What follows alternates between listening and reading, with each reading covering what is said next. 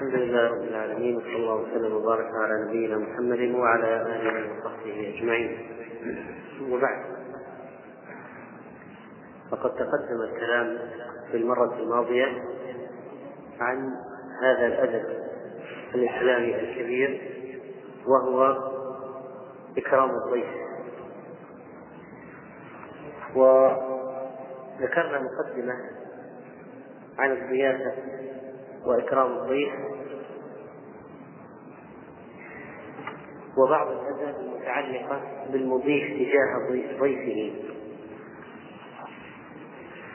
ونتابع إن شاء الله في هذه الليلة الحديث عن هذا الموضوع وهو آداب المضيف ثم نتبعها بآداب الضيف.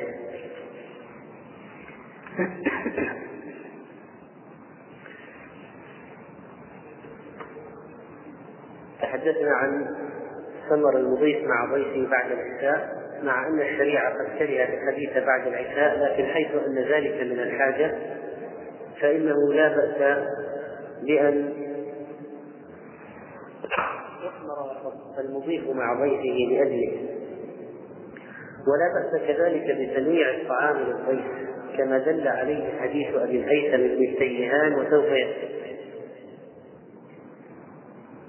وفيه فأمر لهم بشعير يعمل وقام فذبح شاة وجعل مكرا لهم واستعذب لهم ماء وهذا كله يدل على المبالغة في تطيب المضيف الطعام وإتحاف الضيف به بأفضل ما يجب. ولا بأس بجمع الإذان في النادر لضيف أو وليمة أو ما أشبه ذلك وإنما يكره يعني التنويع الكثير في الأطعمة من باب الورع حتى لا يخرج إلى حد السرف وكذلك لا يؤدي إلى إنفاق الأثمان الكثيرة في هذا.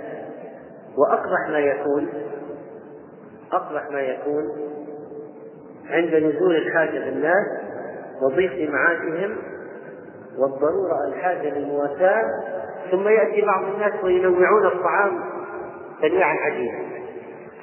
لكن إذا حضر ضيف فلا بأس من تنويع الطعام لأجل الضيف. وينبغي إذا حضر من دعي. وأحضر الطعام أن لا ينتظر من غاب. وينبغي له أن يحضر من الطعام ما أمكنه من غير إجحاف بأهله. والضيف له حكم آخر غير حكم أهل البيت. إذ أن أهل البيت يمكنهم أن يأكلوا الألوان في عدة أيام. بخلاف الضيوف فقد لا يقيمون. ولأنه قد تكون شهوة بعض الضيوف في لون وآخر شهوته في لون آخر فإذا كان التنوع في الألوان لأجل الإكرام حتى إذا لم يعجبه نوع. أعجبه نوع آخر فلا بأس بذلك.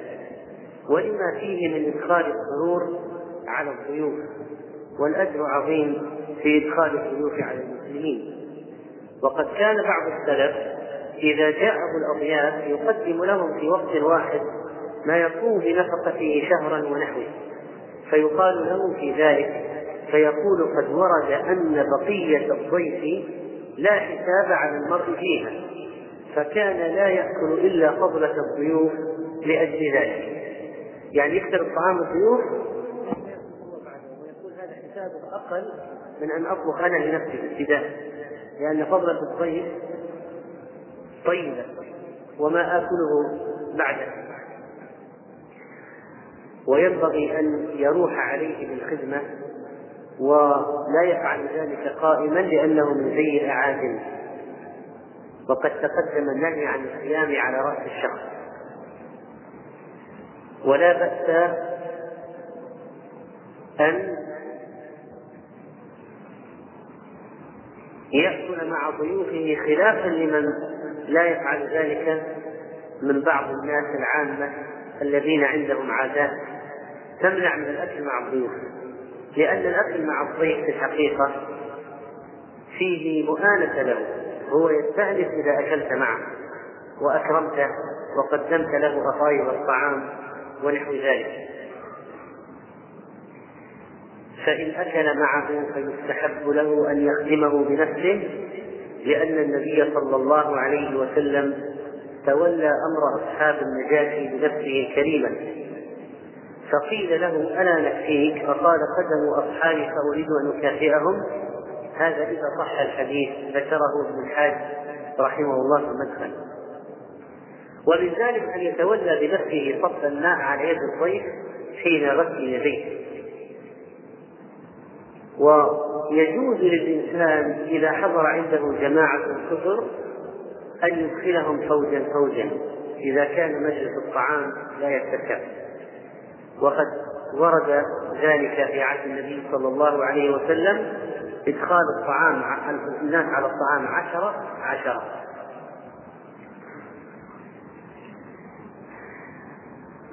وإذا كان مع ضرير يأكل مع إنسان ضرير فعلمه بما بين يديه حتى لا يفوته الطعام الطيب. وكذلك فإنه لا يحرج الضيوف بإبقائهم دون أن يأذن لهم بالطعام بل يسارع إلى دعوتهم إلى الطعام بأسلوب لطيف. وكذلك فإن الإنسان يقدم للضيف ما يعلم أن الضيف يحبه وقد كان النبي صلى الله عليه وسلم يحب الدباء ويستحب للمضيف إيناس الضيف بالحديث الطيب والقصص التي تليق بالحال لأن من تمام الإكرام طلاقة الوجه وطيب الحديث عند الخروج والدخول ليحصل له الانبساط. ولا يكثر السكوت عند الضيف ولا يغيب عنه ولا ينهر خادمه بحضرته ولا يجلسه مع من يتأذى بجلوسه أو لا يليق به أن يجلس معه وأن يأذن له بالخروج إذا استأذنه وأن يخرج معه إلى باب الدار تسليما لإكرامه وأن يأخذ بركاب ضيفه إذا أراد الركوب. هل ورد في ذلك شيء؟ ورد حديث في عند ابن ماجه عن أبي هريرة رضي الله عنه قال قال رسول الله صلى الله عليه وسلم إن من السنة أن يخرج الرجل مع ضيفه إلى باب الدار. لكن هذا الحديث لا يصح عن النبي صلى الله عليه وسلم. وجاء عن ابن عباس رضي الله عنهما قال إن من السنة إذا دعوت أحدا إلى منزلك أن تخرج معه حتى يخرج. ذكره ابن عبد البر. وهذا الذي يعرف بتشريع الضيف. قال في المصباح المنير في فصل الشين مع الياء شيعت الضيف خرجت معه عند رحيله إكراما له وهو التوديع فيندب للإنسان إذا أن يشيع ضيوفه وأن يخرج معهم إلى باب الدار أو إلى السيارة ويفتح له الباب ليركب أو يأخذ بزمام الراحلة إذا كان عنده راحلة ويودعه. هذا من تمام الضيافة وروى أبو بكر بن أبي الدنيا قال قال أبو عبيد القاسم بن سلام زرت أحمد بن حنبل فلما دخلت عليه بيته قام فاعتنقني وأجلسني في صدر مجلسه. فقلت يا أبا عبد الله أليس يقال صاحب البيت والمجلس أحق بصدر بيته أو مجلسه؟ قال نعم. يقعد ويقعد من يريد. ما دام هو صاحب البيت يقعد في صدر المجلس من يريد. هو أحق بها لكن إذا رغب في جلوس ضيفه فيه فلا حرج. قلت في نفسي خذ أبا عبيد هذه واحدة.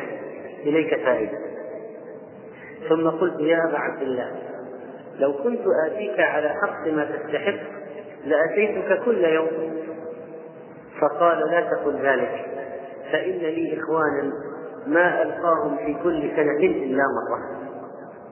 أنا أوثق في مودتهم ممن ألقى كل يوم قلت هذه أخرى يا أبا عبيد أن يحدث نفسه بالفوائد التي جناها من زيارته لأحمد رحمه الله. فلما أردت القيام قام معي. قلت لا تفعل يا أبا عبد الله لا داعي للقيام وتمشي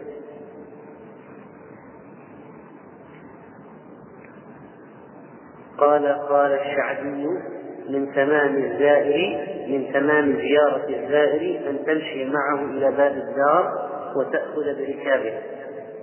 قال قلت يا أبا عبد الله من عن الشعبي؟ قال ابن زائد عن مجالد عن الشعبي. قلت يا أبا عبيد هذه ثالثة فإذا تشريعه والخروج معه من تمام الضيافة وقد أمسك ابن عباس رضي الله عنه بركاب زيد بن ثابت رضي الله عنهما فقال تمسك لي وأنت ابن عم رسول الله صلى الله عليه وسلم؟ فقال إنا هكذا نصنع بالعلماء. وينبغي الاهتمام بإكرام أضياف الإسلام أكثر من الضيوف الشخصيين الضيوف الذين جاءوا من أجل الدين مثل أهل الصفة على عهد النبي عليه الصلاة والسلام. ولذلك لما حضره لبن قال لأبي هريرة الحق إلى أهل الصفة فادعهم لي. قال وأهل الصفة أضياف الإسلام. لا يأمون إلى أهل ولا مال ولا على أحد. إذا أتته صدقة بعث بها إليهم ولم يتناول منها شيئا رواه البخاري. فهؤلاء أضياف الإسلام. فإذا من جاء بحق الدين إذا ضاف عليه ضيف بحق الدين للدين هذا أكرم أكرم من يستحق الإكرام. وقد جاء عن الصحابة رضوان الله عليهم إكرام طلبة العلم من الضيوف إذا جاءوه. فقال مالك بن خزيم كنت جالسا مع أبي هريرة بأرضه بالعقيق فأتاه قوم من أهل المدينة على دواب فنزلوا عنده. قال أبو هريرة اذهب إلى أمي. يقول الشخص عند اذهب إلى أمي. فقل إن ابنتي يقرئك السلام ويقول أطعمين شيئا. قال فوضعت له ثلاثة أطراف في صحفة وشيئا من زيت وملح. ثم وضعت وضعت ثم وضعتها على رأسي وحملتها إليهم فلما وضعتها بين أيديهم كبر أبو هريرة لما رأى الطعام هذا. وقال الحمد لله الذي أشبعنا من الخبز بعد أن لم يكن طعامنا إلا الأسودين الماء والتمر. فلم يضرب القوم من الطعام شيئا. فلما انصرفوا قال يا ابن أخي أحسن إلى غنمك وامسح الرغام عنها الحديث. وهذا يحتمل أنهم قصدوه للتعلم منه والأخذ عنه وإحضار أبو هريرة للطعام المتيسر عنده. من باب إكرام الزائر والضيف وتقديم ما حضر إليه. ولذلك قدم إليهم ثلاثة أقراص وزيتا وملحا وكبر على معنى الذكر لله والشكر له على ما نقله من حال المجاعة التي كان يخل فيها بين البيت والمنبر. ما له ما به شيء إلا الجوع إلى هذه حال الخفض والكثرة حتى وجد عنده خبز وإدام دون استعداد ولا تأثر فلما رأى خبز الزيت بدون استعداد ولا تأثر عنده خبز في البيت. عد ذلك نعمة عظيمة كبر الله عليها هل يستضيف الإنسان ضيف الكافر؟ هل يستضيف الضيف الكافر؟ جاء في الصحيح عن أبي هريرة.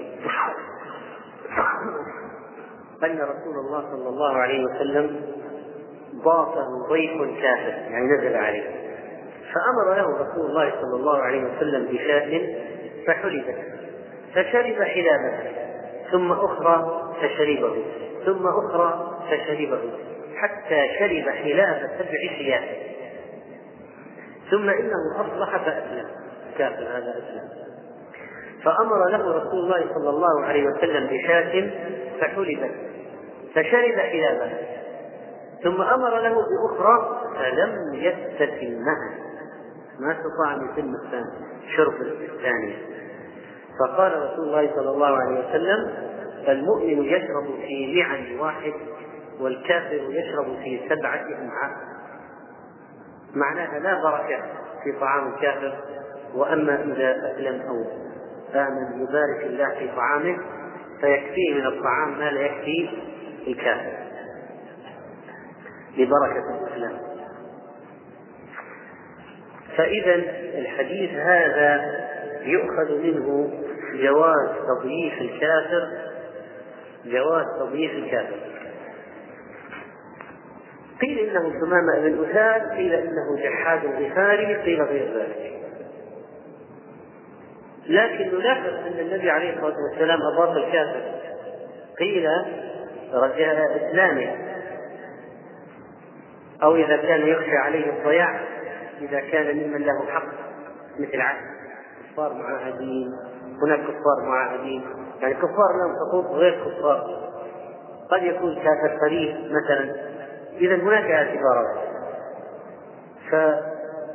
النبي عليه الصلاة والسلام أضاف الكفار إكراما لهم لعلهم يتأثرون من باب الدعوة.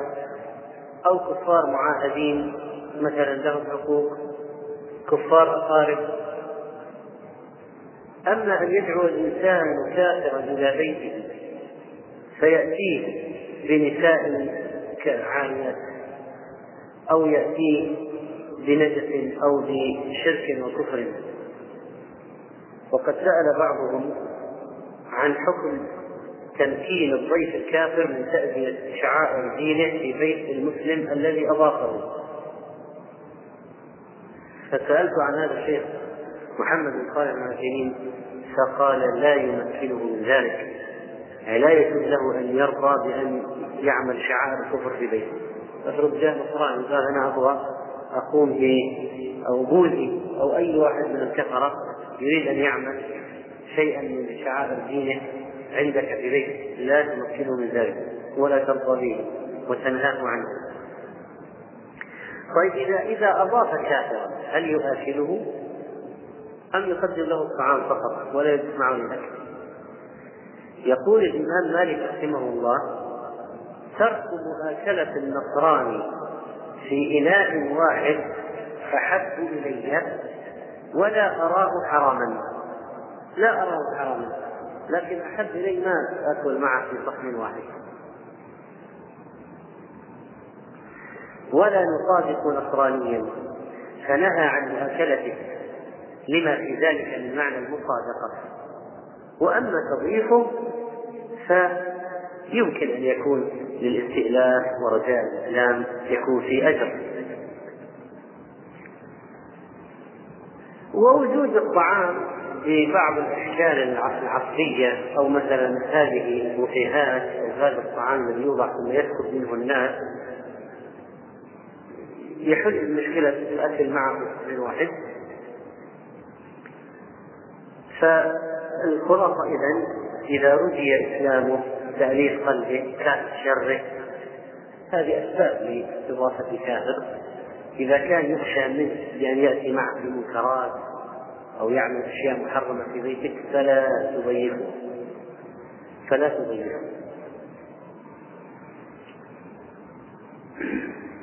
ومما ذكره مسلم رحمه الله أو ذكر في صحيح مسلم عنوان باب استحباب وضع النوى خارج الثمر واستحباب دعاء الضيف لأهل الطعام وطلب الدعاء من الضيف الصالح وإجابته بذلك. لقد ضيف الصحابة رضوان الله عليهم ضيوفا وله في ذلك صفر فلنعرج على بعض الصفر التي ذكرها أهل العلم الحديث أو المحدثون في كتبهم. من أشهر هذه القصص قصص إضافة الضيوف التي حدثت على عهد الصحابة قصة أبي بكر الصديق رضي الله تعالى عنه. عن عبد الرحمن بن أبي بكر الصديق أن أصحاب الصفة كانوا ناسا فقراء وأن رسول الله صلى الله عليه وسلم قال من كان عنده طعام اثنين فليذهب بثلاث. وفي البخاري ومن كان عنده طعام أربعة فليذهب بخامس أو بسادس وإن أبا بكر جاء بثلاث فانطلق نبي الله صلى الله عليه وسلم بعشرة وإن أبا بكر تعشى عند رسول الله صلى الله عليه وسلم ثم لبث حتى صليت العشاء ثم رجع فلبث حتى نعس رسول الله صلى الله عليه وسلم بعدما جاء بعدما ذهب من الليل ما شاء الله قالت امرأة ما أحبسك عن أضيافك؟ قال أو ما عشت بهم؟ قالت أبوا حتى تجيء أنت قد عرضوا عليهم أي الطعام فغلبوهم يعني الضيوف رفضوا الضيافة إلا إذا جاء الصديق. قال فذهبت. يقول ولد أبي بكر الصديق فذهبت أنا فاختبأت فقال يا غنثر فجدع وسف وقال كلوا لا هنيئا وقال والله لا أطعمه أبدا. قال ويم الله ما كنا نأخذ من لقمة إلا رضى من أسفلها أكثر منها. قال شبعنا وصارت أكثر مما كانت قبل ذلك فنظر إليها رسول أبو بكر فإذا هي كما هي أو أكثر ثم قال لامرأته يا أخت بني فراس ما هذا؟ قالت لا وقرة عيني لهي الآن أكثر منها قبل ذلك بثلاث مرات فأكل منها أبو بكر وقال إنما كان ذلك من الشيطان يعني النوم وفي رواية نزل علينا أضياف يقول عبد الرحمن بن أبي بكر وكان أبي يتحدث إلى رسول الله صلى الله عليه وسلم من الليل. قال فقال يا عبد الرحمن أفرغ من أضيافك فلما أمسيت فينا بفراهم فأبوا. قالوا حتى يجيء أبو منزلنا فيطعم معنا. فقلت إنه رجل حديث وإنكم إن لم تفعلوا. إذا ما أكلتم الآن خفت أن يصيبني منه أذى. قال فأبوا. فلما جاء لم يبدأ يعني جاء الصديق إلى منزله لم يبدأ بشيء أول منهم. قال فرغتم من أضيافكم قالوا لا والله ما فرغنا قال أولو أولم آمر عبد الرحمن؟ أصيب الضيوف. قال عبد الرحمن وتنحيت عنه؟ فاختبأ اختبأ اختبأ عبد الرحمن. خاف فقال أبو بكر يا غلثر يا غلثر أقسمت عليك إن كنت تسمع صوتي إلا أجل. قال فجئت. فقلت والله ما لي هؤلاء أضيافك فسلهم قد أتيتهم بقراهم بكرامتهم وضيافتهم فأبوا أن يطعموا حتى تجيء. فقال ما لكم ألا تقبلوا عن ألا تقبلوا عنا قراكم فقال أبو بكر والله لا أطعمه الليلة. فقالوا والله لا نطعمه حتى تطعمه. قال فما رأيت كالشر كما رأيت الشر كالليلة قط ويلكم ما لكم ألا تقبلوا ألا تقبلوا عنا قراكم ثم قال أبو بكر رجع إلى نفسه. قال إنما الأولى فمن الشيطان. حلفنا وهذا الحلف من الشيطان. ما حلفنا على بر ولا على خير. حلفنا ما نذكر ما هو بر ولا خير هذه من الشيطان.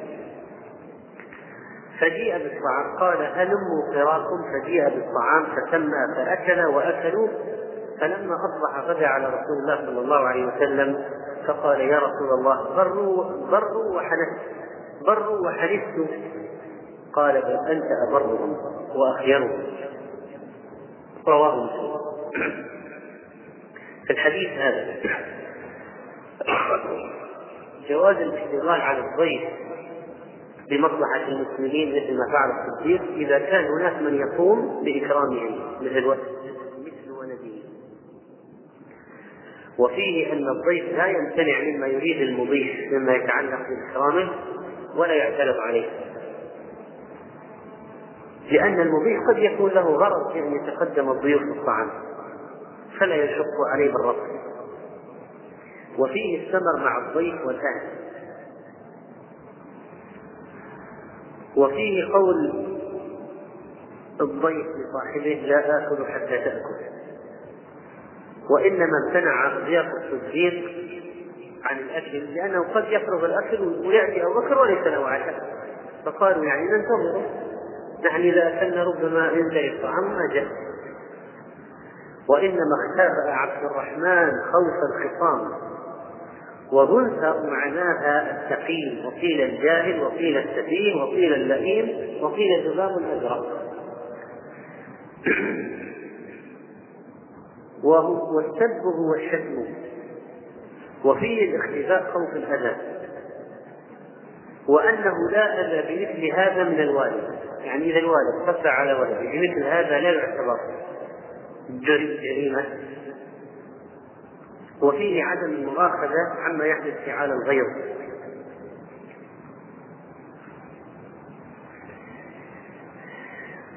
وقوله أبي رجل حديد يعني قوي يغضب. وقد ترجم البخاري رحمه الله باب الثمر مع الضيف والأهل وكذلك فإن أبو بكر ظن أن عبد الرحمن فرط في حق الأضياف ولذلك عنف وقال عليه كلاما غليظا. ومن الانفعال قال لا هنيئا. ولكن التصديق لمكانته وفضله سبحان الله. رغم هذا رجع إلى الحق وقال هذا من الشيطان. واكل و ما أخره عن ضيوفه إلا أنه كان مع النبي عليه الصلاة والسلام ولا شك أنه كان في أمر مهم. ولذلك الله أكرم الصديق بكرامات الأولياء. حتى أنه يقول كل ما رفع لقمة ربى من من ربى ربى مكانها أكثر. منه زاد ربى يعني زاد من أسفلها في الموضع الذي أخذت منه. فلما نظروا إلى الجنة صارت أكثر قال يا أخت بني فراس يتعجب يقول لزوجته ما هذا؟ ما هذا؟ قالت له قرة عين مما أقر الله به عينها بهذه الكرامة لزوجها وهذه بركة عظيمة وما وما هو بعجيب قول سيد رضي الله عنه ما هي بأول بركتكم يا آل أبي بكر؟ فأبو بكر رجل مبارك جعل الله له هذا هذه الكرامة من كراماته الكثيرة وأكرمه وأزال عنه الحرج فعاد مسرورا وانفك الشيطان مسرورا وأكرم أضيافه وزاد الطعام. وعنده سبيل كفارة اليمين لأجل قسمه ثم ثم حملت هذه الجفنة إلى النبي عليه الصلاة والسلام وكان هناك جيش فأكلوا من تلك الجفنة التي أرسل بها أبو بكر إلى النبي عليه الصلاة والسلام لتتم البركة ويعظم أجر الصديق. وكفت الجيش كله وفي رواية عند أحمد الترمذي والنسائي قال أتي النبي عليه الصلاة والسلام بقطعة فيها سرير فأكل وأكل القوم فما زالوا يتداولونها إلى قليل من الظهر يأكل قوم ثم يقومون ويجيء قوم فيتعاقبونه فقال رجل هل كانت تمد بطعام؟ واحد من الذين يسمع القصة قال هل كانت إيجاد عليها؟ فقال الراوي له أما من الأرض فلا. إلا أن تكون كانت تمد من السماء. قال ابن حجر رحمه الله في فتح الباري قال بعض شيوخنا يحتمل أن تكون هذه القطعة هي التي وقع فيها في بيت أبي بكر ما وقع. والله أعلم. ففي هذا الحديث تصرف المرأة فيما تقدم للضيف والإطعام بغير إذن خاص من الرجل لأنها قدمت له الطعام وفيه جواز الغلظة على الولد على وجه التأديب والتمرين على أعمال الخير. وفيه أيضا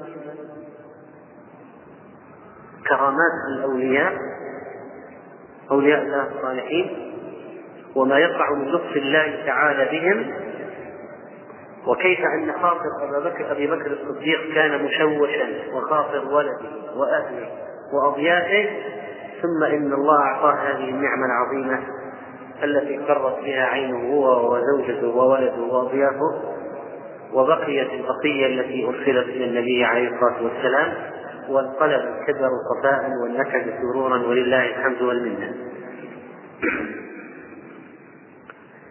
ومن الصحابة أيضا الذين حصلت لهم حصل لهم مشهد عظيم في الضيافة أبو الهيثم بن السيهان وذلك فيما رواه مسلم عن أبي هريرة قال خرج رسول الله صلى الله عليه وسلم ذات يوم أو ليلة فإذا هو بأبي بكر وعمر. فقال ما أخرجكما من بيوتكما هذه الساعة؟ قال الجوع يا رسول الله. قال وأنا والذي نفسي بيده لأخرج الذي أخرجكما. هؤلاء من أعظم ثلاثة الأمة قادة الأمة. أو النبي عليه الصلاة والسلام ونائبه أبو بكر وعمر أعظم ثلاثة في الأمة خرجوا من بيوتهم ما أخرجهم إلا الجوع. ما في هذا أبو الرسول صلى الله عليه وسلم ونائبه الأول ونائبه الثاني والخليفتين من بعده خرجوا الجوع أخرجهم الجوع من البيت الجوع.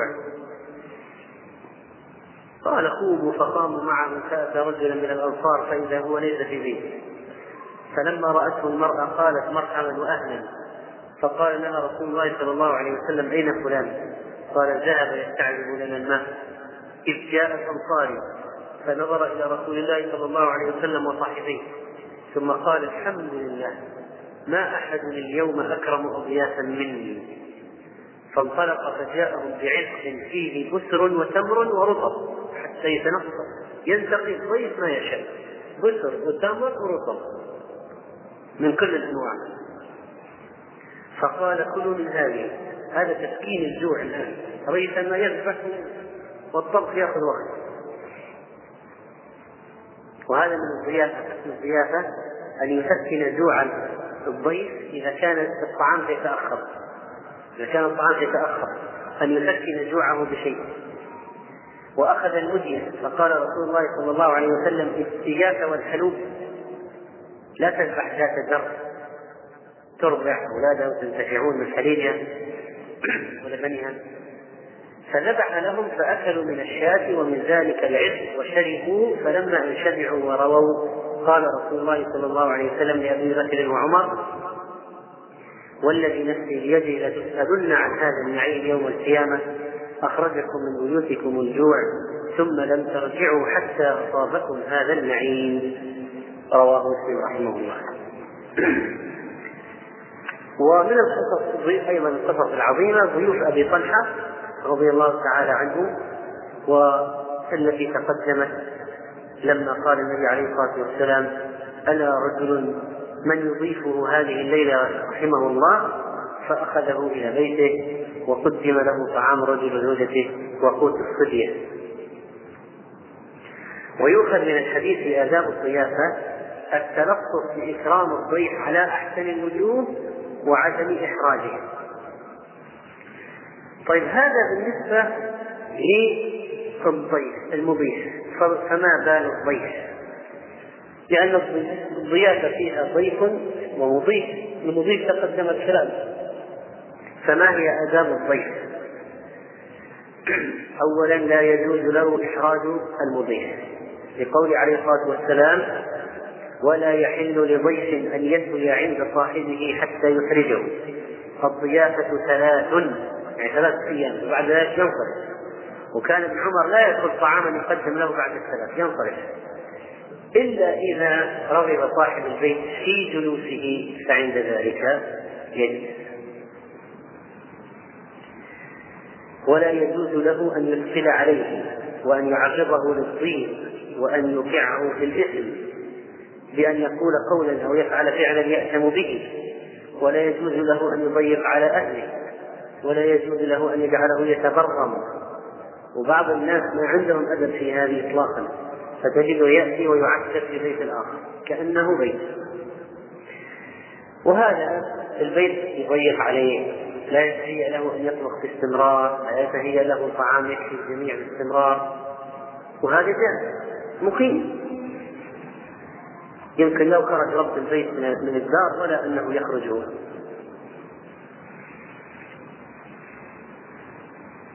ثانيا أن لا يكلفه ما لا يطيق.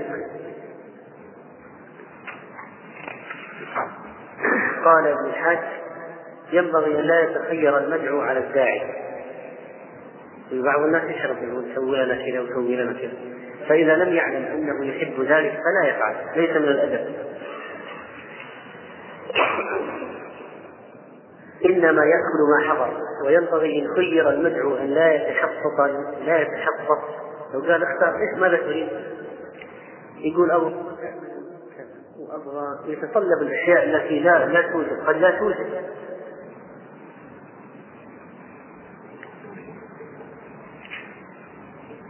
اللهم إلا أن يعلم أنه ليس في ذلك تكلف ويدخل السرور على من خيره. والتكلف هو أن يأخذ عليه شيئا بالدين وليس له جهة يعوض منها. وربما يحوج إلى الدين إذا هذا من هذا من إيقاع في الحرج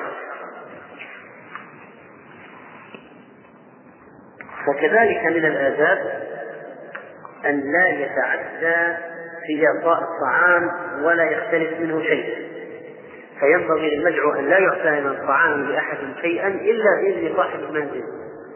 أو إذا كان العرف يسمح بذلك. فمثلا واحد من الضيوف يتصرف في الطعام يأتي على ويعطي هذا ويعطي هذا. إذا كان العرف يسمح بذلك فعله وإلا فلا يتصرف في الطعام. صاحب البيت هو الذي يتصرف. وينبغي له أن يحذر مما يفعله بعض من لا خير فيه. من أنهم يأخذون بعض ما تيسر لهم أخذه فيختلسونه ويجعلونه تحتهم حتى إذا رجعوا إلى بيوتهم أخرجوه وهذا من باب السرقة وأكل أموال الناس بالباطل. قال ابن مفلح رحمه الله في الآداب الشرعية وقالت الحنفية يحرم رفع مائدة المائدة إلا بإذن صاحبها لأنه مأذون بالأكل لا بالرفع ولو ناول الضيف لقمة من طعام ضيفا آخر روي عن محمد أنه لا يحل للآخر أن يأكل بل يضعه ثم يأكل من المائدة لأن الضيف مأذون له بالأكل لا بالإعطاء وقال عامة مشايخهم يحل له للعادة لأن عادة جرت بهذا لأنه لا بأس الضيف يعطي ضيفا آخر لا مانع العادة جرت بهذا. وكذا لو ناول بعض الخدم الذي هو قائم على رأس المائدة جاز. ولا يجوز أن يعطي سائلا ولا إنسانا دخل لحاجة لأنه لا إذن فيه عادة يعني هو بعض الطعام الضيف مأذون له بالأكل وليس أن يتصدق من مال المضيف وصاحب البيت على المحتاجين. هذا ما أذن له به فلا يتصرف به هكذا. وكذا لو ناول شيئا من الخبز واللحم كلب صاحب البيت أو غيره لا يسعه ولو ناوله الطعام والخبز المحترق وسعه لأنه مأذون فيه عادة. ما دام شيء يعني يزهد فيه بل ربما يرمى إذا يجوز أن يناوله مثلا لو حضرت قطة فأخذ عظما أو شيئا يسيرا جدا مما يرمى فأعطاه فأعطاه لا بأس به.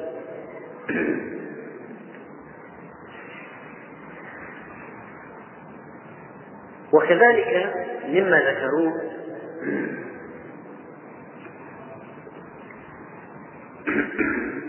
في آداب الضيف.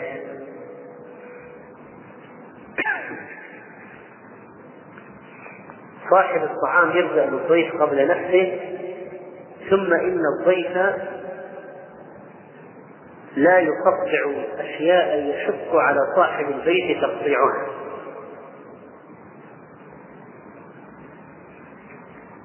ولا يتصرف في الطعام تصرفا يضايق صاحب البيت ولو أنه دعي إلى طعام فماذا يفعل؟ دعي إلى طعام وجاء معه من لم يدعه فماذا يفعل؟ ماذا يفعل الضيف إذا جاء معه شخص شخص غير مدعو؟ جاء في صحيح مسلم باب ما يفعل الضيف إذا تبعه غير من دعاه صاحب الطعام واستحباب صاحب الطعام التابع وأتى بحديث أن رجلا من الأنصار يقال له أبو شعيب صنع النبي صلى الله عليه وسلم طعاما ثم دعاه خامس خمسة. وأتبعه الرجل. فلما بلغ الباب قال النبي صلى الله عليه وسلم إن هذا اتبعنا. فإن شئت أن تأذن له وإن شئت رجع. قال لا بل آذن له يا رسول الله. فإذا ماذا يفعل الضيف؟ إذا جاء واحد معه ما مدعو؟ الضيف يقول للمضيف فلان جاء معي تأذن له؟ أتأذن له؟ فإن أذن دخل وإن لم يأذن رجع. ومشكلة بعض الإخوان أحيانا خصوصا إذا جاء عالم إلى مكان ودعي إلى بيت فيأتي مع العالم هذا ناس ويستحلون بيت صاحب الوليمة بدون حق الحقيقة ويخرجونه. فنفرض مثلا جاء أحد العلماء الكبار إلى هذا البلد فقام أحد طلبة العلم أو أحد الأشخاص ودعا العالم إلى بيته. يعني حسب حساب واحد اثنين ثلاثة خمسة. فبعض هؤلاء الشباب يأتون مع هذا الشيخ. وين رايح؟ الشيخ راح معدوم عند فلان يلا خمس سيارات عشر سيارات. ثم يدخل طيب هذا استعد بخمسة. فجاء ثلاثين شخصا فهي إحراج ورحمة ولذلك ينبغي على على الإخوان أن ينتبهوا لمثل هذا لأن في الحقيقة فيه إثم في إحراج صاحب البيت وإذا أكلوا طعاما لا يسمح به وليس بطيب نفس منه. كان الشيخ عبد الرحمن بن سعدي رحمه الله يدعى إلى وليمة. وكان الشيخ محمد بن صالح العثيمين تلميذا عنده. فكان ينتهز الفرصة ويذهب مع الشيخ في الطريق يسأله.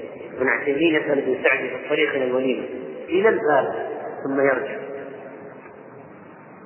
إلا إن أذن له صاحب البيت أو لزم عليه ولم يرى الشيخ مانعا في الدخول أو لا يضيع الوقت عليه تخرج فإذا لا مانع من مرافقة العالم إلى المكان الذي دعي إليه. لكن لا يدخل معه تريد أن تستفيد من الطريق ولا تريد أن تستفيد من من البطن فهنا يعني يكون الفاق النفس القضية في الحقيقة في حرج شرعي في اسم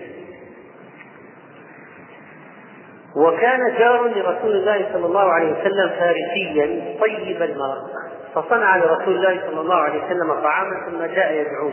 فقال النبي عليه الصلاة والسلام وهذه؟ يشير إلى عائشة. فقال لا.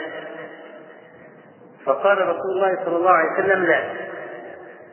فعاد يدعوه. فقال رسول الله صلى الله عليه وسلم وهذه؟ فقال لا. فقال رسول الله صلى الله عليه وسلم لا. ثم عاد يدعوه. فقال رسول الله صلى الله عليه وسلم وهذه؟ قال نعم الثالثة. فقام يتدافعان حتى أتيا منزله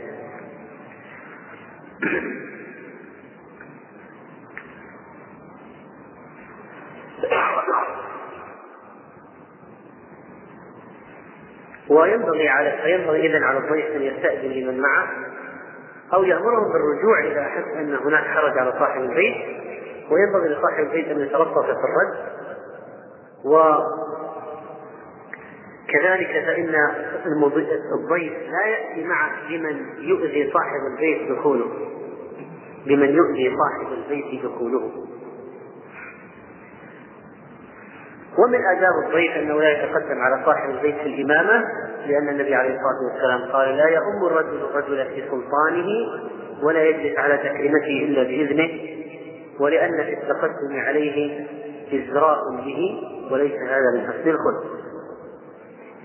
وينبغي على الضيف إذا نزل أن لا يتلف شيئا أن يحذر من إتلاف شيء من أثاث ومتاع صاحب البيت.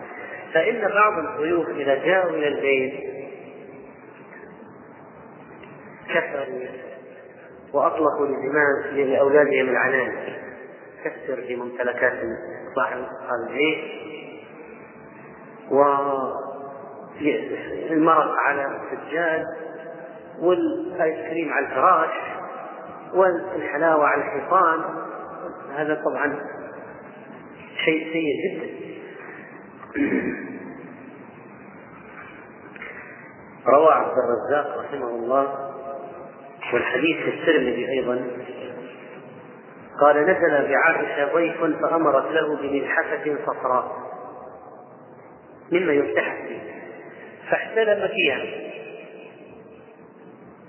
أصابته الضيف جنابة نعم فأصابته جنابة فأصاب الإلحاق شيء فاستحيا أن يرسل بها. وفيها أثر الاحتلام الضيف استحيا فغمسها في الماء ثم أرسل بها. فقالت عائشة لم أفسد علينا ثوبنا؟ إنما كان يكفيه أن يفركه بإصبعه ربما تركته من ثوب رسول الله صلى الله عليه وسلم بأسبوعين. ورواية الترمذي ضاف عائشة ضيف فأمرت له بملحقة صفراء فنام فيها فاحتلم فاستحيا أن يرسل بها وبها أثر الاستلام فغمسها في الماء ثم أرسل بها فقالت عائشة لما أفسد علينا ثوبنا إنما كان يكفيه وذكر الحديث. قال الترمذي هذا حديث حسن صحيح. وهو قول غير واحد وهو قول غير واحد من أصحاب النبي عليه الصلاة والسلام والتابعين ومن بعدهم من الفقهاء مثل سفيان الثوري والشافعي وأحمد وإسحاق قالوا في المني يصيب الثوب يجزئه الفرق وإن لم يغسل. يجزئه الفرق وإن لم يغسل. فإذا لينتبه لينتبه الضيف من إفساد متاع أصحاب البيت. أو ترك الأولاد يعبثون بالأشياء ويشترونها هذا ليس متاعا له ليس متاعا له. هذا حقوق هذه حقوق الناس. وبالحقيقة يغرم إذا تعدى يغرم. وإذا ترك أولاده يفسدون يغرم. لكن إذا تلف شيء بدون تفريط منه فلا يضمن فلا يضمن وينبغي على الضيف المبادرة إلى الأكل إذا دعي فإن السنة إذا قدم الطعام للضيف أن يبادر بالأكل لأنه كرامة لصاحب المنزل. فلما قبضت الملائكة أيديهم نكرهم إبراهيم لأنهم خرجوا عن العادة وخاف أن يكون من ورائهم شر فقبول الكرامة والأكل منها فيه تطيب لخاطر صاحب البيت والرفض فيه شيء من الإهانة الإزعاج.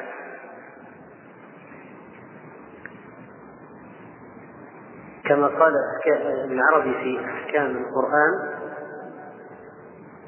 وقال عبد العزيز البخاري في كشف الأسرار للبزوي شرح شرح البزوي ألا ترى أن ترك الأكل عند الإباحة اساءه ودليل على العداوة حتى أوجس الخليل صلوات الله عليه خيفة في نفسه من الضيف إذ لم يأكل من ضيافته وقال في المغني والعرف يقتضي أن تقديم الطعام للضيف هو إذن له بأكله.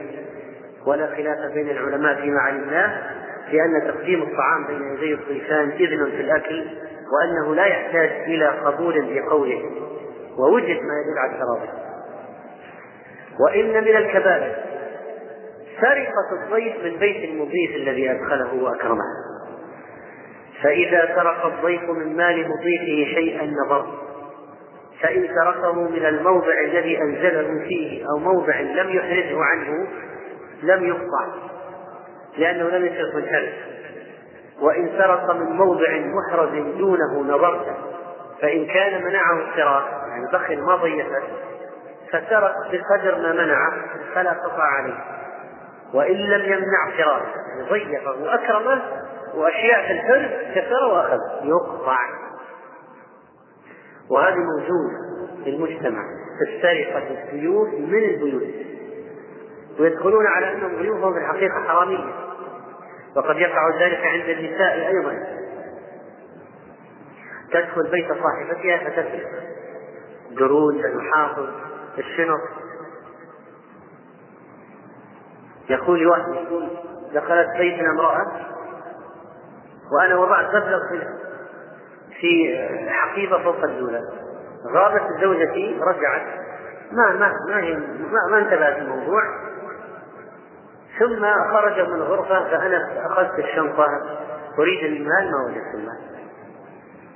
فقلت لها انظري في شنطة المرأة هذه. لما راح تغسل قال فوجدنا فيها نفس المبلغ. أنا وضعت. كذا خمسمية كذا مية كذا خمسين كذا عشرة وجدت نفسي. فهناك بعض من لا يتقي الله يعملون الكبائر. ثم وين وأين في بيت من أكرمهم أحضرني شخص هنا في المسجد قبل أيام فاتورة أربعين ألف ريال. قال هذه جو أطبائي في عيد الأضحى والتليفون ولم أدري بعد ما ذهبوا وراحوا وجاءت الفتوى المبلغ كله في المدة التي جلسوا فيها عندي في البيت. فإذا هناك من يرتكب الكبائر الكبائر العظيمة التي يزداد كفرها في حق من أكرمه وفتح له بيته وآواه وضيبه فأين هم من ديان يوم الدين؟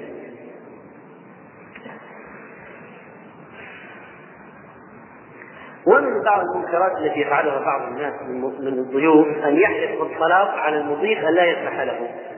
ما دخل زوجته الآن؟ وهذا يعني أصل المشكلة التكلف من أصحاب البيوت من المضيفين. والنبي صلى الله عليه وسلم نهى عن التكلف للضيف والحديث في صحيح الجامع. وفي الأوسط عن شقيق بن سلمة الأوسط الطبراني قال دخلنا على سلمان فدعا بما كان في البيت وقال لولا أن رسول الله صلى الله عليه وسلم نهانا عن التكلف للضيف لتكلفت لكم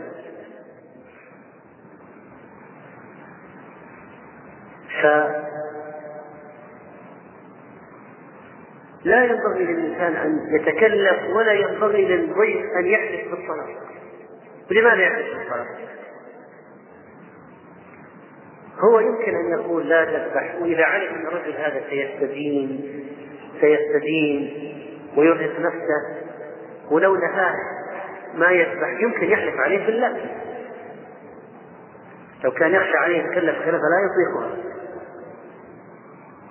ثم إن بعض الناس يحلف وذاك يذبح ثم لا هو استفاد من الحلف وذبحت ذبحت الذبيحه ثم يأتي يضع يده على الرجل يقول هذه حل تحليل يمينك يا فلان طيب الآن وضعت يعني هذا هو يمينك أن لا يذبح دخل وضع اليد على ذبح الرجل مسألة فقهية. لو حلف عليه أن لا يذبح فاكتشف أنه ذبح قبل أن يحلف. قال والله ما ذبح. قال ذبحنا.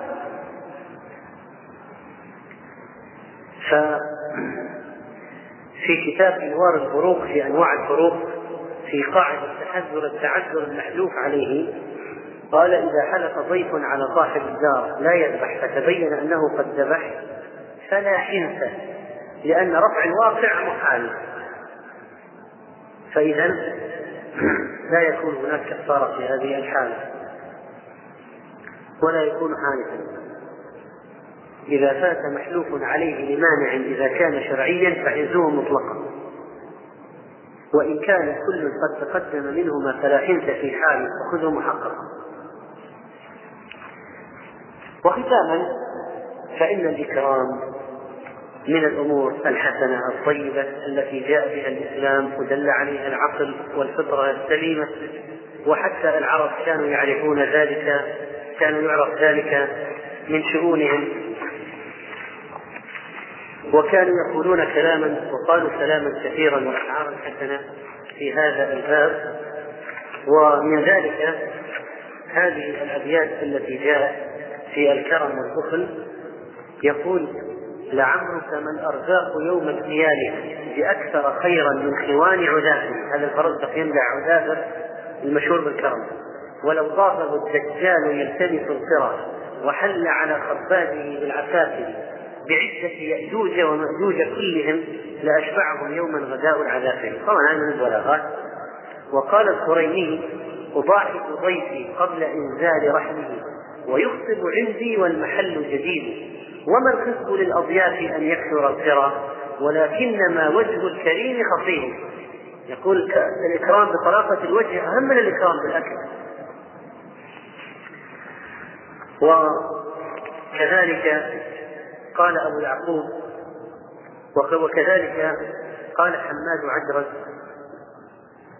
أو قال عمرو بن الأسلم التيمي الذي الذي شعره كأنه سلل منشرة ذليل فإن الشح يا أم مالك لصالح أخلاق الرجال تروق ذليلي وحظي في هواي فإنني على الحسد العالي الرفيع شفيق. ومستنبح بعد الهدوء أجب ومستنبح نبحت الكلاب على الضيف قال غريب بعد الهدوء أجبته وقد حان من سار الشتاء طروق فقلت له أهلا وسهلا ومرحبا فهذا مبيت صالح وصديق. أضفت ولم أفحش عليه ولم أقل لأحرمه إن الفناء يضيق. لعمرك ما ضاقت بلاد بأهلها ولكن أخلاق الرجال تضيق. وأما في البخل فقالوا أيضا أبياتا مما يعيش البخيل. فمن ذلك قول حماد عجرد. وجدت أبا الصلت ذا خبرة بما يصلح المعدة الفاسدة. تخوف تخمة أضيافه فعلمهم أكلة واحدة. ذكر لكن التنوع يخرب المعدة.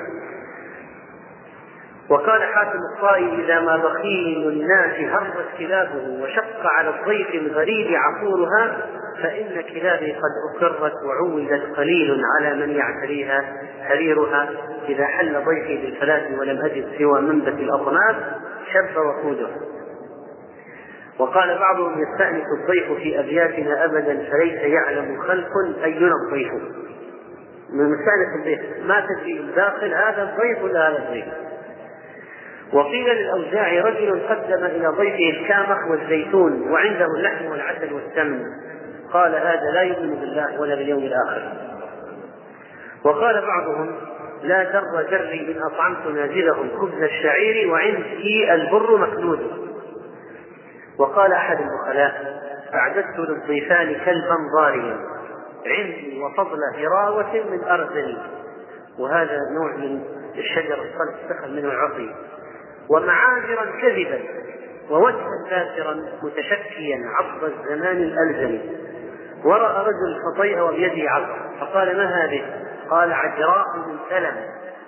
قال إني ضيف. قال للضيفان عبدتها وقال آخر وأبغض الضيف ما بي ذل مأكله إلا تنفخه حولي إذا قعد. ما زال ينفخ جنبيه وحبوته حتى أقول لعل الضيف قد ولد. وقال بعضهم استبق ود أبي المقاتل حين تأكل من طعامه. سيان كسر رغيفه أو كسر عظم من عظامه. فتراه من خوف النزيل به يروع في منامه. وقال بعضهم يا تارك البيت على الضيف وهاربا منه من الخوف. ضيفك قد جاء بخبز له فارجع فكن ضيفا على الضيف. وأخيرا قال اعرابي يقف أحد هؤلاء أقاموا الزيدبان على يفاع وقالوا لا تنم للزيدباني حارس قالوا خليك فوق احرص شوف إذا جاءوا ضيوف من بعيد أعطينا خبر. فإن أبصرت شخصا من بعيد فقصق بالبنان على البنان. ثم قال إنهم من بخلهم جعلوا الصلاة بلا أذان. نخاف إذا أذنوا إن الناس يسمعون الصوت وياتي نسأل الله سبحانه وتعالى أن يجعلنا أن يجعلنا ممن أكرموا ضيوفهم وأن يجعلنا ممن أكرمهم بكرامته في جنات النعيم وصلى الله وسلم على نبينا محمد.